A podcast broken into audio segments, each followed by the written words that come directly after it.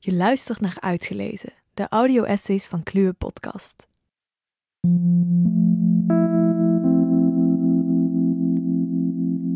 Bij Uitgelezen vind je audioversies van filosofische essays die wij de moeite waard vinden.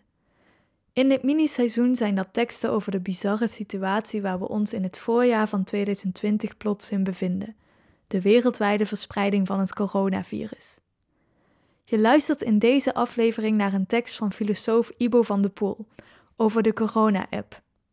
Je kunt de tekst ook lezen op de filosofische blog bij naderinzien.com. Waarom nu wel een app, maar geen vaccin tegen corona? De vraag lijkt de retorische. Waarom hebben we binnenkort misschien wel een app tegen corona, maar voorlopig nog geen vaccin? Het antwoord is immers simpel. We weten medisch nog onvoldoende van het coronavirus om een betrouwbaar en veilig vaccin te ontwikkelen, terwijl we wel de technische kennis hebben een app op korte termijn te ontwikkelen. Maar is het echt zo simpel?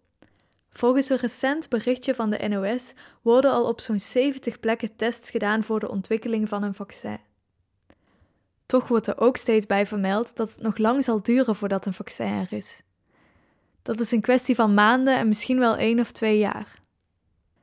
De reden dat het ontwikkelen van een vaccin zo lang duurt, is niet zozeer een gebrek aan kennis of ideeën, maar dat er een lang wettelijk voorgeschreven traject is voor het eerst zorgvuldig en uitgebreid uittesten van vaccins, voordat ze op grote schaal in de samenleving toegepast mogen worden. Dat gaat meestal van dierproeven naar zeer kleinschalige experimenten op proefpersonen, tot uiteindelijk grootschalige studies. De reden is dat we als samenleving zeker willen zijn dat een vaccin werkzaam, betrouwbaar en veilig is voordat het op grote schaal geïntroduceerd wordt.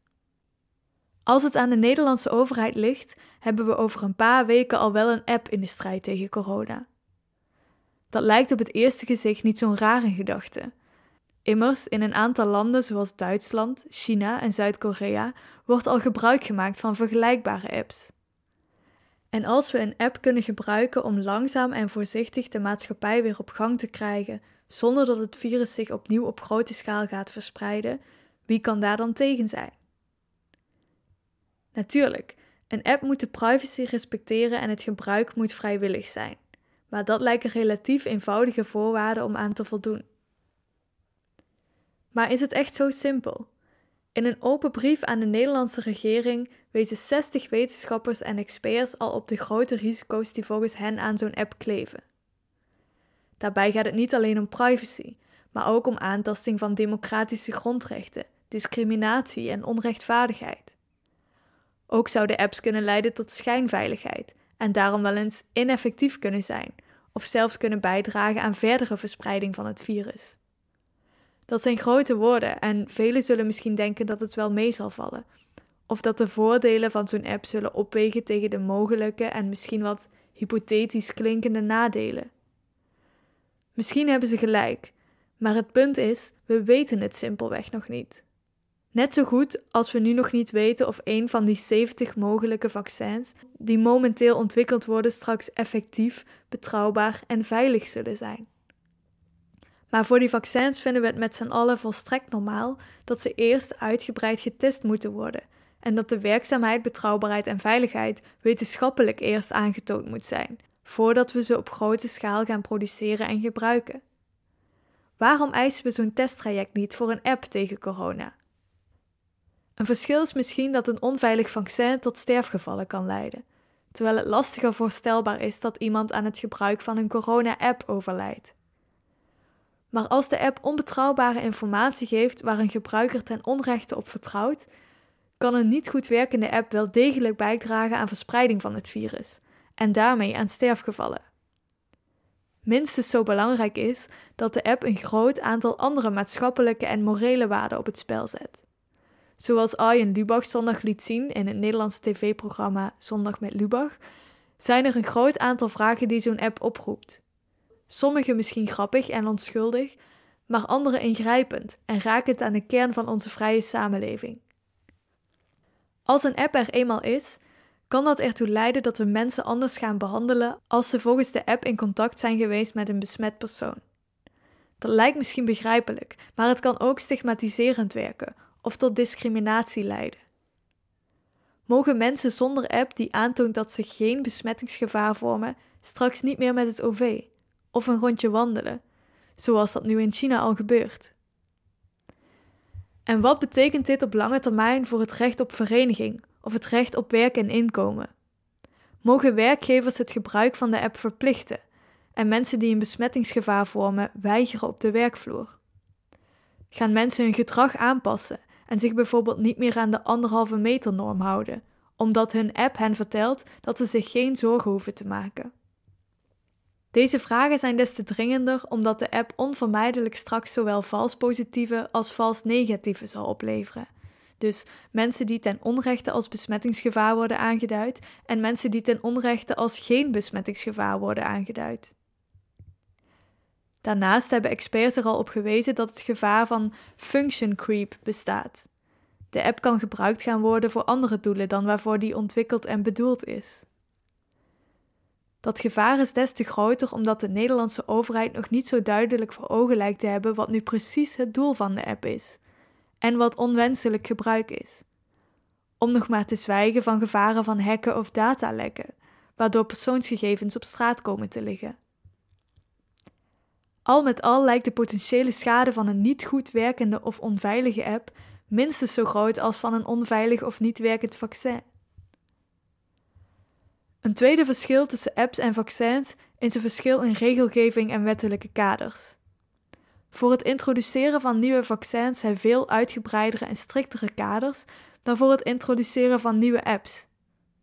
Dat verklaart zeker het verschil, maar rechtvaardigt het dit ook? Als het om relatief onschuldige apps gaat waarvan het gebruik vrijwillig is, misschien wel. Maar valt de corona-app in deze categorie? Op de vraag of de app vrijwillig zou moeten worden, antwoordde Nederlands minister De Jonge van Volksgezondheid dat minstens 60% van de bevolking de app zou moeten gebruiken om effectief te zijn. Hij leek een vorm van verplichting niet uit te sluiten als dat percentage niet gehaald wordt. Bovendien zou de app straks gebruikt kunnen gaan worden om mensen toe te laten tot bepaalde gebieden of diensten. Zelfs als de overheid het gebruik van de app vrijwillig maakt, zoals Rutte recent benadrukte, dan nog kan het gebruik in de praktijk niet geheel vrijwillig blijken te zijn, omdat afzien van de app je wel eens zou kunnen benadelen ten opzichte van anderen. Hierbij is het goed te bedenken dat de strengere regels die we nu hebben voor het toelaten van nieuwe vaccins deels voortkomen uit schandalen uit het verleden, waarbij medicijnen of vaccins in sommige gevallen wel onvrijwillig op mensen werden uitgetest of zonder mensen te informeren. Helaas is het zo dat wetgeving en ethische richtlijnen vaak pas tot stand komen nadat er dingen fout gegaan zijn. Het is niet ondenkbaar dat we op het gebied van informatie- en communicatietechnologie aan het begin staan van een reeks schandalen die eerder de medische wetenschappen ook getroffen hebben, voordat strengere regelgeving tot stand kwam. Denk aan het Cambridge Analytics-schandaal en de toenemende problemen van filterbubbels, echokamers en nepnieuws. Sommigen zullen misschien zeggen dat de regelgeving is doorgeschoten voor vaccins en dat we niet die kant op moeten met andere technologieën zoals apps. Misschien hebben ze gedeeltelijk gelijk en zijn we erg streng geworden waar het gaat om nieuwe vaccins. Er is de afgelopen jaren ook al nagedacht over versnelde toelatingsprocedures, die nu ook in de strijd tegen corona hun nut kunnen bewijzen. Maar dan nog lijkt me dat het verschil tussen hoe streng we zijn bij de ontwikkeling van vaccins en hoe makkelijk de overheid nu over een corona-app denkt, niet te rechtvaardigen. Voor alle duidelijkheid, ik ben niet tegen de ontwikkeling en het gebruik van corona-apps. Ik behoor ook niet tot het kamp dat hel en verdoemenis voorspelt als we dergelijke apps gaan gebruiken. Ik stel slechts een simpele vraag.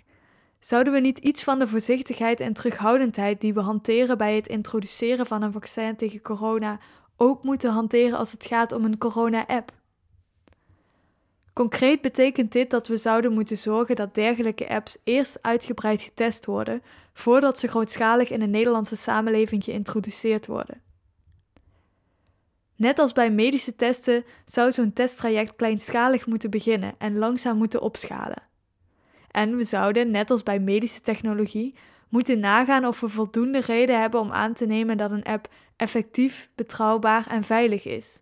Niet alleen in technische zin, maar vooral in maatschappelijke zin. Tast het geen democratische grondrechten aan? Heeft het niet onbedoelde gedragseffecten? Leidt het niet tot discriminatie? Om dat na te gaan zouden we wetenschappelijk onderzoek moeten laten doen door bijvoorbeeld gedragswetenschappers, filosofen, ethici, juristen, maatschappijwetenschappers en andere relevante disciplines. En pas als we redelijk zeker van onze zaak zijn, zouden we tot grootschalige introductie van zo'n app in de maatschappij moeten overgaan. Dit was uitgelezen, de audio-essays van Kluwe Podcast, met deze keer een audio-essay van filosoof Ibo van de Poel.